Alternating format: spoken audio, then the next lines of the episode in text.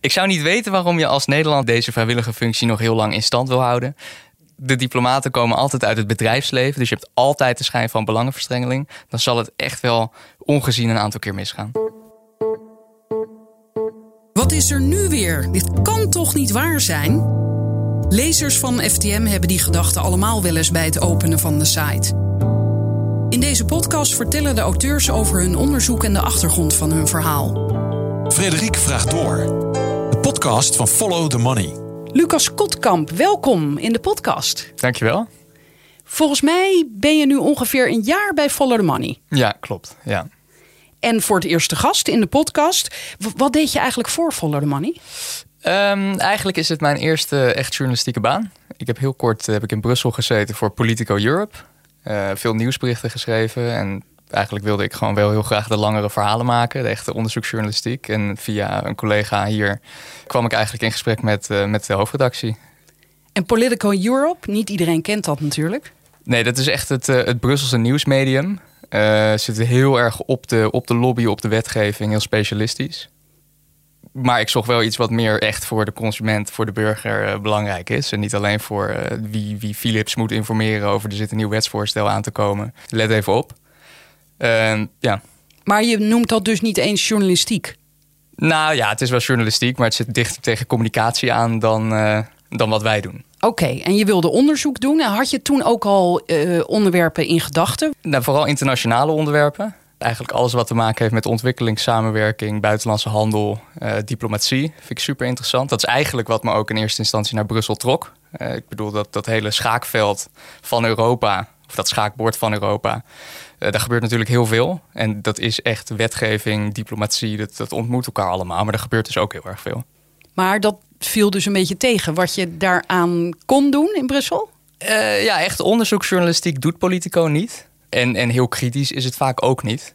Dus nee, niet echt het, echt, het, echt het spel. Daar had ik niet het idee dat je daar heel veel mee kon doen. Er waren Maar- wel andere media in Brussel die dat doen. Eh, EU Observer bijvoorbeeld, Euractiv doet ook wel eens wat. Eh, vergelijkbare platformen. Maar eh, nee, echt de langere, diepgravende onderzoeksjournalistiek eh, is daar wel heel zeldzaam. En tot nu toe heb je over nogal uiteenlopende onderwerpen geschreven bij Follow the Money. Ik noem Nederlandse pluimveegigant Plucon nestelt zich met plofkip in Frankrijk. Ja, ja. En bijvoorbeeld Europees Vredesfonds betaalt de wapens voor Oekraïne. ja. Hoe kom jij aan je onderwerpen? Eh, nieuwsgierigheid eigenlijk. Ja, wederom wel denk ik dat de rode lijn in al die verhalen is, is dat het, er, het zit een buitenlandse component aan. Dus bijvoorbeeld dat kippenverhaal was een freelance eh, opdracht die ik eh, met Lighthouse Support heb gedaan. Dat is een ander onderzoekscollectief. Ja, en dat, het was eigenlijk weer hoe evolueert de Europese vleesindustrie zich? Want verschuift het van Nederland naar Frankrijk? Hoe, waarom en hoe werkt dat dan? Ehm, het, het wapenfonds was eigenlijk het begin van de Oekraïne-oorlog. Was dat echt een, eh, nou ja, een waterscheiding, zoals ze dat dan noemen? Dat opeens Europese gelden worden uitgegeven aan, aan eh, het samen kopen van wapens door de Europese Unie. Nog nooit eerder gebeurd. Dus wederom dat diplomatieke eigenlijk, of die diplomatie en, en de internationale betrekkingen, hoe koppel je dat aan iets wat voor jou en mij heel belangrijk is? Namelijk, wil jij dat jouw belastinggeld wordt uitgegeven aan wapens? Ja of nee? Ja, en Eh, dat is ook wel interessant dat als je dat als lezer, ik dus, gewoon even zo zie, denk je ja, tuurlijk, er gaan wapens naar Oekraïne. Eh, Nu helemaal, zeg ik tuurlijk. Nu heel en, logisch. En, eh, en dan schrijf jij eronder, Brussel betaalt de rekening. Toen dacht ik, ja, wie anders? Maar inderdaad, als je het gaat lezen, blijkt, ja, eigenlijk mogen de landen niet zomaar geld uitgeven aan militair materieel. Nee, nee. En dan de vraag, zeg maar, is dat dan erg of niet? Dat is, dat is eigenlijk een andere vraag. Eh, Ja. Maar ik vind het wel belangrijk dat we dat dan in ieder geval weten. Hoe het werkt. Ja. Ja, dit keer heb je geschreven over Nederlandse diplomaten die beschuldigd zijn van fraude, witwassen en afpersing. Ja, Dat is eh, vrij opmerkelijk. Ehm, en dan gaat het om honorair consuls. Ja. Het klinkt heel chic, ja. maar eh, die mensen houden zich niet altijd met hele chique zaken bezig. Dat klopt. Het is eigenlijk eh, het is een hele bijzondere functie. Hij is al heel oud. Eh, honderden jaren geleden zijn de eerste honorair consuls voor Nederland bijvoorbeeld in, eh, in Aleppo neergestreken. Langs de, de, de handelsroutes. En Nederland wilde daar mensen hebben eh, die vervolgens die handelsbelangen konden behartigen. In Syrië. In Syrië. Nou, de, de oud posten van de VOC zijn bijvoorbeeld later honorair consulaten geworden, een aantal. En Het is eigenlijk, die functie is bedacht als goedkoop alternatief voor het ministerie van Buitenlandse Zaken bij deze om toch diplomaten te hebben in het buitenland uh, die ze niet hoeven te betalen. Want voor veel landen, ook voor Nederland, is het een hele tijd uh, heel duur geweest om ambassades in het buitenland te runnen. Uh, en dit is dan de perfecte oplossing op papier. Een aantal lokale zakenlieden uh, mensen die Nederland een warm hart toedragen, die willen die belangen dan wel gaan behartigen. En dat consulaire, dat eigenlijk dat ambassadewerk wel doen. Maar zijn dat dan Nederlanders of mensen uit die landen? Dat wil nog wel eens verschillen. Uh, het, het, zijn in ieder geval vaak wel mensen die al langere tijd daar uh, gezeteld zijn of daar wonen. bijvoorbeeld in Brazilië is er een honorair consul, al jaren honorair consul. Nou, die heeft Nederlandse ouders bijvoorbeeld. Dus er is vaak wel een, een band, of althans dat is de bedoeling. Maar het zijn wel vaak locals. Ja, want er wordt echt gezocht naar mensen die de omgeving kennen, de, het zakelijke belang kennen, eh, de politieke cultuur kennen. Hoe, hoe kunnen zij eigenlijk het makkelijkste de deur zijn voor het ministerie? Willen zij iets in het buitenland gaan doen? En het is een goedkoop alternatief voor ambassades. Maar eh, wij zijn wel een heel rijk land. Dus toen dacht ik wel even, hoezo kunnen wij geen ambassades betalen? Nou ja, dat is een goede vraag. De bredere geschiedenis is dat zeker na de Tweede Wereldoorlog uh, was het de hoeveelheid honorair consuls wereldwijd echt veel hoger dan nu. Uh, omdat heel veel ambassadeurs natuurlijk worden uitgezonden en honorair consuls zijn er toch minder gevoelig, politiek. Nou, dat aantal is eigenlijk over de jaren heel erg afgenomen. Tot dat onder Rutte 1 eigenlijk de diplomatieke dienstverlening, uh, dat daar heel erg op bezuinigd werd. Er zijn heel veel ambassades zijn gesloten, want een ambassade is ontzettend duur. Uh, alleen de gebouwen al bijvoorbeeld. Uh, huur een ambassade of uh, heb een ambassade in Tokio en je betaalt miljoenen per jaar huur alleen aan het gebouw en de beveiliging. Want je kan ook niet ergens drie hoog achter gaan zitten. Je moet nee, een het beetje... moet wel statig zijn ja. natuurlijk. Het is ja. de ambassade van een land en daar draag je toch iets uit. En eigenlijk de afgelopen paar jaar is de diplomatieke dienstverlening heeft weer meer aandacht gekregen door het ministerie. En toen hebben ze ook dus weer meer consulaten geopend. want het is niet helemaal gratis. het is gewoon een stuk goedkoper. En toen is ook het, het aantal honorair consuls ontzettend omhoog gegaan. En het opmerkelijke aan die functie is dat het geen officiële diplomaten zijn. Ze hebben niet dat beroemde diplomatenklasje gevolgd, bijvoorbeeld. Nee, nee, nee. Het, is echt, uh, het zijn echt private personen. Het zijn echt burgers. Ze vallen wel onder verschillende verdragen van de Verenigde Naties bijvoorbeeld. Dus ze hebben wel heel veel uh, privileges en rechten. Maar ze hebben inderdaad niet dezelfde opleiding gehad die uh, de, de, ambassadeur in uh, weet ik veel, de Verenigde Staten zou hebben gehad. Daar is toch wel echt veel strenger toezicht op. Zou ik dit ook kunnen worden? Ja, theoretisch gezien wel. Uh, ik bedoel, als je het volgens de, legitieme weg wil doen, uh, misschien voor een ander land. Ik weet niet, misschien ga je vaak op vakantie naar Frankrijk. Nee, en Italië. Daar, nou, Italië, dan misschien heb je daar goede, goede connecties. En dan zeggen ze, nou, Frederik, die willen we wel, want die kent Nederland goed. En misschien wil hij wel wat dingen voor ons doen. En, en dan, wat uh, zou ik dan gaan doen? Stel dat ik zou worden aangesteld. Nou, ja, stel een Italiaan uh, breekt een been in Amsterdam en die spreekt geen Nederlands. Die heeft geen idee waar die heen moet, naar het ziekenhuis, waar is de ambassade. Dan zou jij een goed aanspreekpunt zijn. Om bijvoorbeeld in contact te komen met de ambassade in de eerste plaats. Uh, misschien reisdocumenten te krijgen om terug te gaan. Stel iemand is zijn paspoort kwijt en Nederland zou geen Italiaanse ambassade hebben, maar wel een consulaat. dan ben jij eigenlijk de plaatsvervangend ambassadeur, om het zo maar te zeggen. Dat lijkt me wel wat. Zeker, ja, dat kan ik me voorstellen. Want dat, ik las uh, ook over een kerel die, uh, waar je het verhaal mee begint. In Maastricht, die ook een mooi uh, het wapen van, wat was het, Montenegro? Montenegro. Op zijn voordeur had gespijkerd. Ja. Dus het, het, het geeft ook kastje. Zo, ja, zeker weten. Ja, Ben Vos. Ja, dat is een hele leuke casus. Hele speciale casus ook, vind ik. omdat hij heel goed illustreert wat deze functie kan. En wat, die, wat, wat, eigenlijk wat het die mensen dan toch biedt. Uh, dit was een vastgoedondernemer. Uh, beheer, of nou, hij is trouwens nog steeds actief, maar die beheert veel panden in Duitsland, in Nederland, Dubai, in het Midden-Oosten doet hij ook veel. En bij hem vond op een gegeven moment een politieinval plaats. op zijn kantoor met dat mooie wapen naast de deur. Voor belastingontwijking, witwassen en allerlei andere praktijken. Omdat hij via zijn, zijn pandjes, vermoedelijk, het, is nog niet, de, de, het vonnis is nog niet gegeven, maar criminele dingen aan het doen was. Nou, wat heeft hij toen gedaan? Uh, de politie kwam langs en hij heeft gezegd: Maar ho, ho, ik ben consul van Montenegro. Je kan niet zomaar mijn kantoor binnen om de documenten mee te nemen voor die je nodig hebt voor het onderzoek. En dat klopt ook. Nou, niet helemaal wat hij had gedaan. Op zich klopt het dat verschillende delen van zijn kantoor zijn beschermd volgens het verdrag van Wenen. Dat is een van die verdragen van de Verenigde Naties. Maar dat beperkt zich tot consulaire documenten. Dus ja, als ik als honorair consul een brief wil sturen naar de ambassade van Montenegro in Parijs, dan mag niet de politie zomaar die brief openen, want dat is diplomatieke correspondentie. Dat is echt not done. Wat hij alleen had gedaan, is dat hij het archief van zijn kantoor, dat hij alles door elkaar aan het opslaan was. Dus hij gebruikte dat lijkt, of het heeft de schijn van. Dat hij dingen wilde verbergen. Dat hij dingen wilde verbergen. En, en uiteindelijk heeft hij dat ook. Uh, hij, heeft echt, hij is naar de rechter gegaan. Hij heeft gezegd: jullie mogen dit onderzoek nu niet uh, voortzetten. En de rechter heeft gewoon gezegd: ja, dit is gewoon misbruik van dat verdrag. Dus je hebt geen gelijk. Maar het laat wel zien dat hij het in ieder geval geprobeerd heeft. En wat kwam daaruit? Heeft hij inderdaad eh, vanuit zijn functie als uh, honorair consul verkeerde dingen gedaan? Nou, nou ja, de zaak loopt nog. Dus dat weet ik niet precies. Kijk, het, het, is, het hangt natuurlijk ook in de lucht of hij het expres gedaan heeft, want hij is honorair consul. Uh, maar het, het, laat wel zien wat, voor, zeg maar, wat er aan de rafelranden van deze diplomatieke functie allemaal kan. En, en, en dat er toch ruimte zit om er misbruik van te maken. En dat het toch vrij gemakkelijk kan.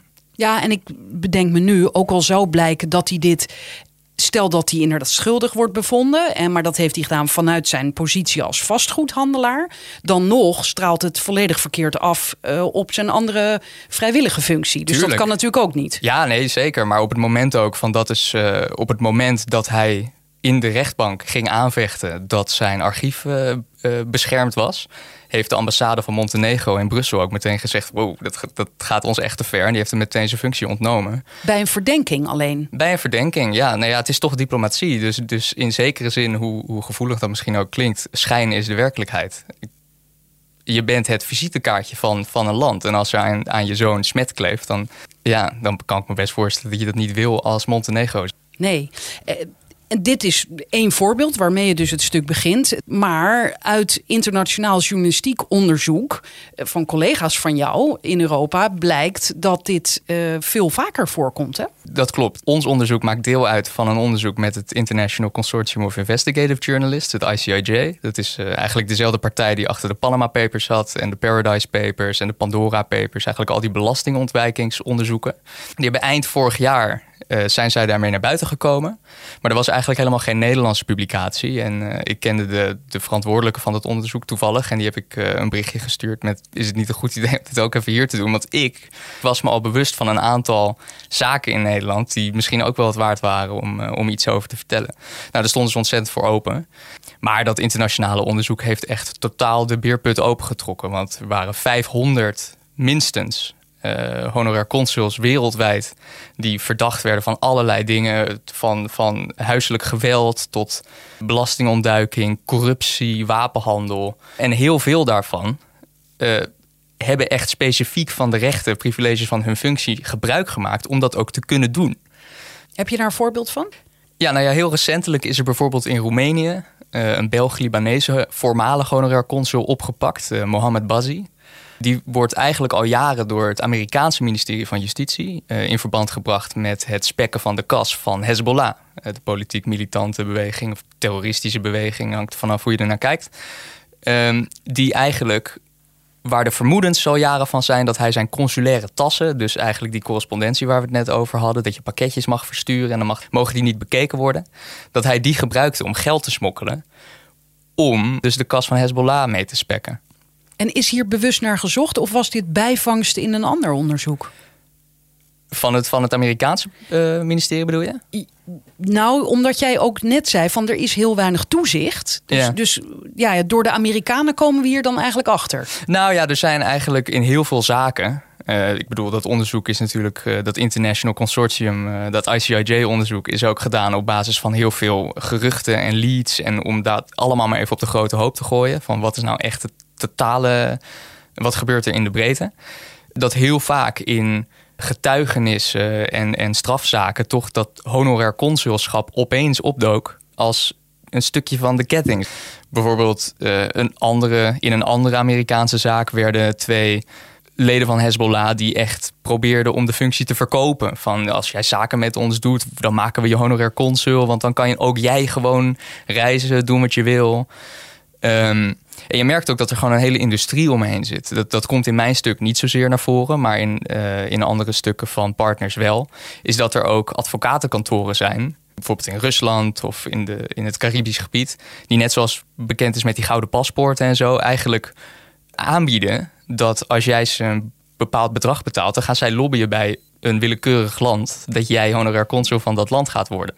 Dus daar speelt van alles. Ja, en, en wat jij wel vertelt is dat, er, dat het soms ook in de familie blijft. Hè? Dat het van vader op zoon gaat. Ja, ja, nee, zeker. Ja, bij Nederland is dat het geval. Eh, de honorair consul van, uh, in Colombia, uh, voormalig honorair consul, die, die, zijn vader was ook honorair consul. Die had het ambt 32 jaar, bezat hij het. En, en dat ging eigenlijk na zijn dood dus over naar zijn zoon. Uh, op Dominica, dat is een klein Caribisch eiland, gaf de honorair consul het gewoon door aan zijn zus. Uh, toen hij verhuisde naar de Verenigde Staten. En dat is natuurlijk heel merkwaardig. Want.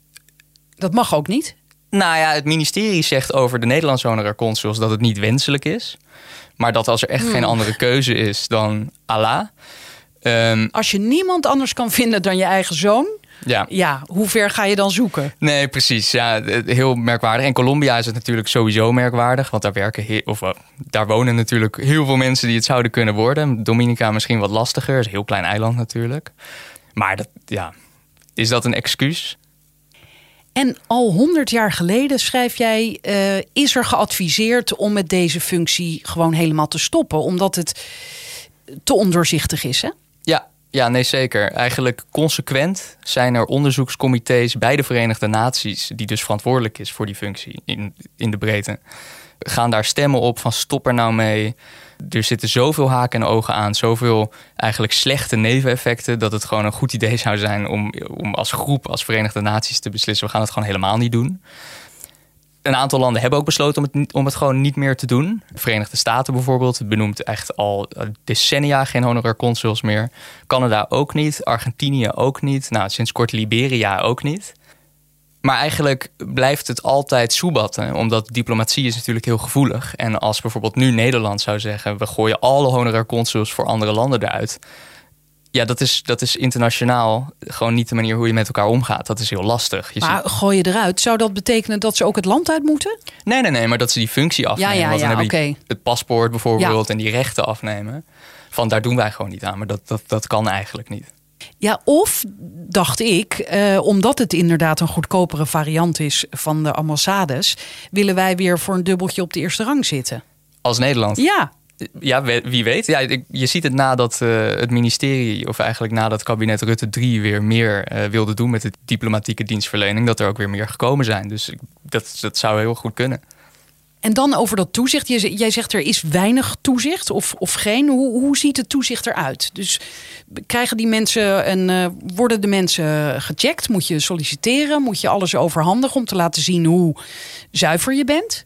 Nou, het, ministerie, ik heb veel contact gehad met, met het ministerie. En die heeft wel uh, me uitgelegd hoe het meestal moet. Uh, hoe, het, hoe het meestal gaat. Uh, verschillende gesprekken met honorair consuls geven toch wel een iets wat ander beeld. In principe zijn er twee mogelijkheden om voor Nederland een honorair consul te worden. Dat is of je solliciteert of je wordt gevraagd. Gevraagd gebeurt veel vaker. En vervolgens gebeurt er natuurlijk wel een, een, een zekere check. Een zekere check. Ja, je moet een gesprek hebben met de ambassadeur. Dan word je wel of niet voorgelegd uh, aan de directie consulaire zaken in Den Haag en nog een aantal andere commissies. En na een periode, dat, dat kan verschillen afhankelijk van hoe lang dat gesprek intern bij hun dan gaat, word je wel of niet benoemd. Uh, het nadeel daarvan is, is dat dat wel altijd gebeurt op afstand ja, je gaat niet helemaal blijkbaar naar de Verenigde Staten of, of iedere uithoek van de wereld om die background checks te doen bij die mensen. Maar dit kan toch online?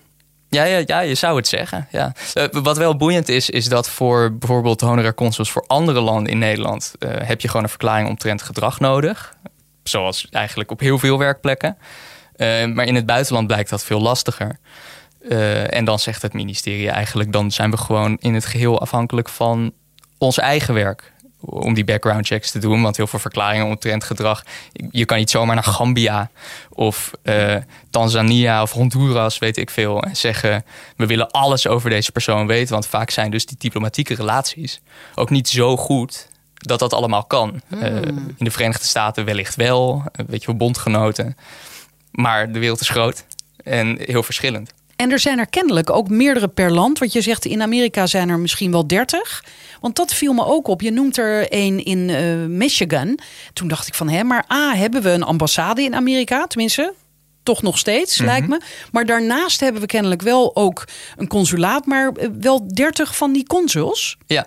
ja, ik zeg dertig. Dat weet ik niet precies. Nee, ja, maar in ieder geval meer dan één dus. Ja, nee, klopt. Ja, het, het is echt bedacht om, om het contact voor Nederlanders daar uh, gemakkelijk te maken. En als jij in Michigan woont, uh, of, of echt helemaal in het westen. Je wil niet iedere keer helemaal naar Washington moeten om je paspoort bijvoorbeeld te verlengen of een nieuwe aan te vragen. Uh, dat mogen dat soort consuls vaak wel. Is overigens de, jaren, de laatste jaren veel lastiger geworden. Want wat consuls, dat is een beetje een, een, een niche ding, maar sinds kort heeft Europa allerlei eisen over biometrische gegevens in je paspoort, ja. et cetera. Dat mogen die consuls niet. Um, dus in principe moet je alsnog nu naar Washington. Of naar een ander, naar een ambassade of een consulaat-generaal, wat weer een soort tussenstap is. Uh, wel een formele functie van het ministerie. Om het daar dan te doen. Waarbij je dus nog een keer de vraag kan stellen: oké, maar wat is dan nu het nut van dat consulaat als ze ook die dingen eigenlijk niet meer mogen doen? Ja. Oké, dus over die check. Mensen worden min of meer gecheckt. Kan ik dat zo formuleren? Ja, denk het wel de Verenigde Naties zegt nog steeds: stop er nou maar mee. En, maar Nederland in ieder geval en nog ook andere landen blijven er vrolijk mee doorgaan. Uh, ja, nee, de meeste landen hebben het echt nog wel. Die hebben gewoon die conclusie niet getrokken voor allerlei verschillende redenen. Hebben uh, wij daar dan zoveel voordeel aan? Uh, ja, het ministerie zegt van wel. Ik weet ook waar ze meestal voor worden ingezet. Wat, uh, wat je bijvoorbeeld ziet in Nederland is dat deze mensen in de buitenlandse handel gewoon wel echt een grote rol spelen. Verschillende documenten die je leest over we willen een nieuw project opzetten hier of daar. Dan is het vaak de honorar consul in combinatie met het NBSO, de Netherlands Business. Um, nou, of NBO. ik ben even de afkorting kwijt. Is het eigenlijk in dat soort gevallen de honorar consul met de buitenlandse handelspost van Nederland. Uh, die eigenlijk de eerste, eerste check gaat maken. En wederom, daarom zoekt het ministerie ook eh, specifiek mensen met een rijk netwerk in het zakenleven. Want die mensen weten bij wie je moet zijn. Wij willen een, een microkredietinitiatief opzetten in India. Bij wie moeten we zijn, honorar consul? Help ons alsjeblieft. Ja, dat zo noem jij iemand die voor Shell werkt of werkte en eh, vrij snel werd aangenomen als consul. Ja, vanwege zijn, ik neem aan dat het een man was, is. ja. Ja, dat is wat hij zelf. Netwerk, ja. ja, dat is wat hij zelf zei. Dus in het verlengde eigenlijk van die procedure van hoe word je het en het ministerie moet allemaal checks doen en de consulaire directie moet allemaal checks doen, bleek deze heel makkelijk er doorheen te komen. En hij zei: Ja, ik heb een rijk netwerk met Shell. Ik parafraseer, maar ik heb een rijk netwerk met Shell. En uh, ik was met een project bezig, dus dat was wel makkelijk veel makkelijker dan bijvoorbeeld een vrouw die jij opvoert. Die uh, wiens procedure twee jaar in beslag nam. Ja, dat klopt. Dat, dat was wel een honorar consul voor het Centraal-Afrikaanse land Tjaad in Nederland. Uh, dus dat is wel een andere procedure, want die moest dan ook naar het ministerie van Tjaad. Dat duurde erg lang, maar uh, ik bedoel, de hele VOG-check hier, want het ministerie van Buitenlandse Zaken moet ook goedkeuring geven aan die mensen. Als ze al gemeld worden. Want dat is ook niet altijd het geval. Want dat hoeft ook niet volgens het verdrag. Het lijkt, het, het klinkt nogal als een vrij ongrijpbare, ongrijpbaar fenomeen. Hoe lang mogen deze mensen dit blijven eigenlijk? Ben je dat voor je leven? Of? Uh, nee, nee, absoluut niet. Nee, uh, het ministerie van Buitenlandse Zaken of Nederland uh, benoemt honorair consuls voor een periode van vijf jaar. in principe is dat idealiter de max. Maar je ziet dat het vanwege eigenlijk dezelfde reden waarom het binnen de familie blijft, toch heel vaak verlengd wordt. Want het is eigenlijk gewoon hartstikke makkelijk natuurlijk dat gaat niet automatisch. Dan komt er even een klein een gesprek met de ambassadeur weer. En uh, dan gaat het ministerie even kijken. Maar heel vaak wordt het gewoon verlengd. Ik bedoel, je hebt echt honorar consul, zoals ik net al zei. De vader van die Colombiaanse, die het al 32 jaar was. Voordat hij overleed. Uh, en dat, dat, dat zie je heel vaak. Echt periodes van 18 jaar, 25 jaar, 40 jaar. Dus als je het eenmaal hebt, dan is de kans groot dat je het nog een hele tijd hebt. Als je wil. Heeft dat onderzoek dat jouw collega's eerder naar buiten brachten iets veroorzaakt? Uh, ja, zeker. Ja, echt heel veel landen hebben in, in navolging van, uh, of in de nasleep van die onderzoeken, hebben ze echt totaal het hele, uh, de hele functie opnieuw ingericht. Finland heeft bijvoorbeeld nieuwe richtlijnen opgesteld. En, en heel veel honorair consuls zijn ontslagen. bijvoorbeeld Roemenië had een honorair consul actief in Belarus, die gewoon een gesanctioneerde vriend was van de, van de dictator daar, Alexander Lukashenko. En Roemenië wist dat gewoon niet. Eh, die, heeft er, die wist dat niet. En toen de journalisten kwamen kloppen met... Hallo, deze man is eh, in dienst van ons land eigenlijk. Nou, in paniek. Meteen de deur gewezen natuurlijk. En dat zie je gewoon heel veel. Dat is echt heel veel gebeurd. Jij noemt ook iemand die, althans in het begin van de, de, oorlog, de inval van Rusland in Oekraïne, ook nog in Nederland zei: van ja, maar dat is juist heel goed. Ja, hadden ze eerder moeten doen. Ja, dat is ook weer iets wat je echt door heel Europa zag, eigenlijk door de hele wereld. Dat verschillende landen eigenlijk heel gretig gebruik maken van die functie om hun belangen mee te behartigen, maar ook dus voor propagandadoeleinden. Dat is Rusland. Die in allerlei landen kwamen na het begin van de Oekraïne-oorlog. Uh, honorair consuls op tv en in de krant. Die zeiden, ach wat goed dat hij uiteindelijk toch een keer de knoop heeft doorgehakt en het uh, gedaan. In Nederland was dat de consul-generaal voor Rusland in Maastricht, baron Constantijn van Vloten.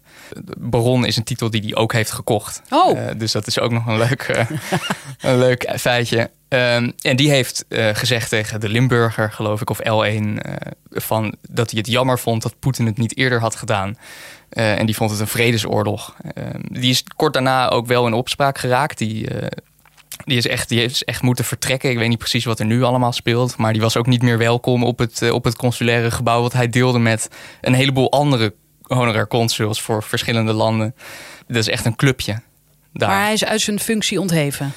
Nou ja, Rusland heeft hem niet uit zijn functie ontheven. Want die vindt het natuurlijk wel prima dat hij, dat, hij dat doet. Maar uh, hij is niet meer welkom op het ministerie van Buitenlandse Zaken. Althans, dat geloof ik uh, op dit moment. Dat hebben ze jou verteld?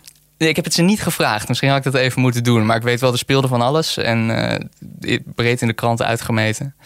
Maar je weet van die andere consuls van nee, hem willen we er niet meer bij. In ja, krant. nee, ze hebben hem echt weggestuurd. Ja. In ieder geval voor nu. Je hebt ook gesproken met de voorzitter van het Korps Consulair Nederland. Ja. CCN, dus de beroepsvereniging eigenlijk, hè? Ja of de vrijwilligersvereniging zou je moeten de zeggen. Vakbond of, De vakbond, ja. en hij zegt dat hij, dat vond ik wel mooi, ja, er, er kleven risico's aan. Maar hij acht de risico's bij consuls, dat er dus iets misgaat, iets wat niet hoort, niet groter dan bij andere bestuursfuncties. Toen dacht ik, nou, dat geeft te denken. A, op, van zijn visie op bestuurlijke functies. Maar ook van, ja, is het zo van, ja, er gaat overal wel iets mis? Dat was wel een beetje de insteek. Ik bedoel, uh, ik heb hem even aan de telefoon gehad. Uh, ik had ook gevraagd, mag ik bij je langskomen? Kunnen we even kijken wat jij op een dag doet? Nou, daar stond hij minder voor open. Hij runt zelf ook een advocatenkantoor uh, dat zich specialiseert op het bijstaan van internationale bedrijven en consulaten en ambassades. Dus dat zit ook al heel erg uh, in, de, in de, de zakelijke belangen van die wereld. En hij is zelf ook honorair consul? Hij is zelf honorair consul voor Brazilië. Uh, en zijn, zijn broer, en dat was ook zijn partner, of is zijn partner in dat advocatenkantoor, was tot voor kort ook honorair consul, weer voor Luxemburg. dus dat loopt allemaal lekker door elkaar heen. En, en die man, lees ik hier, trad eerder af als senator voor het CDA vanwege een kunstsmokkel. Ja, dat is Paul Russell. Uh, die was inderdaad CDA-senator jaren geleden. En die zou een, eh, een Rembrandt illegaal hebben ingevoerd. Echt? Ja.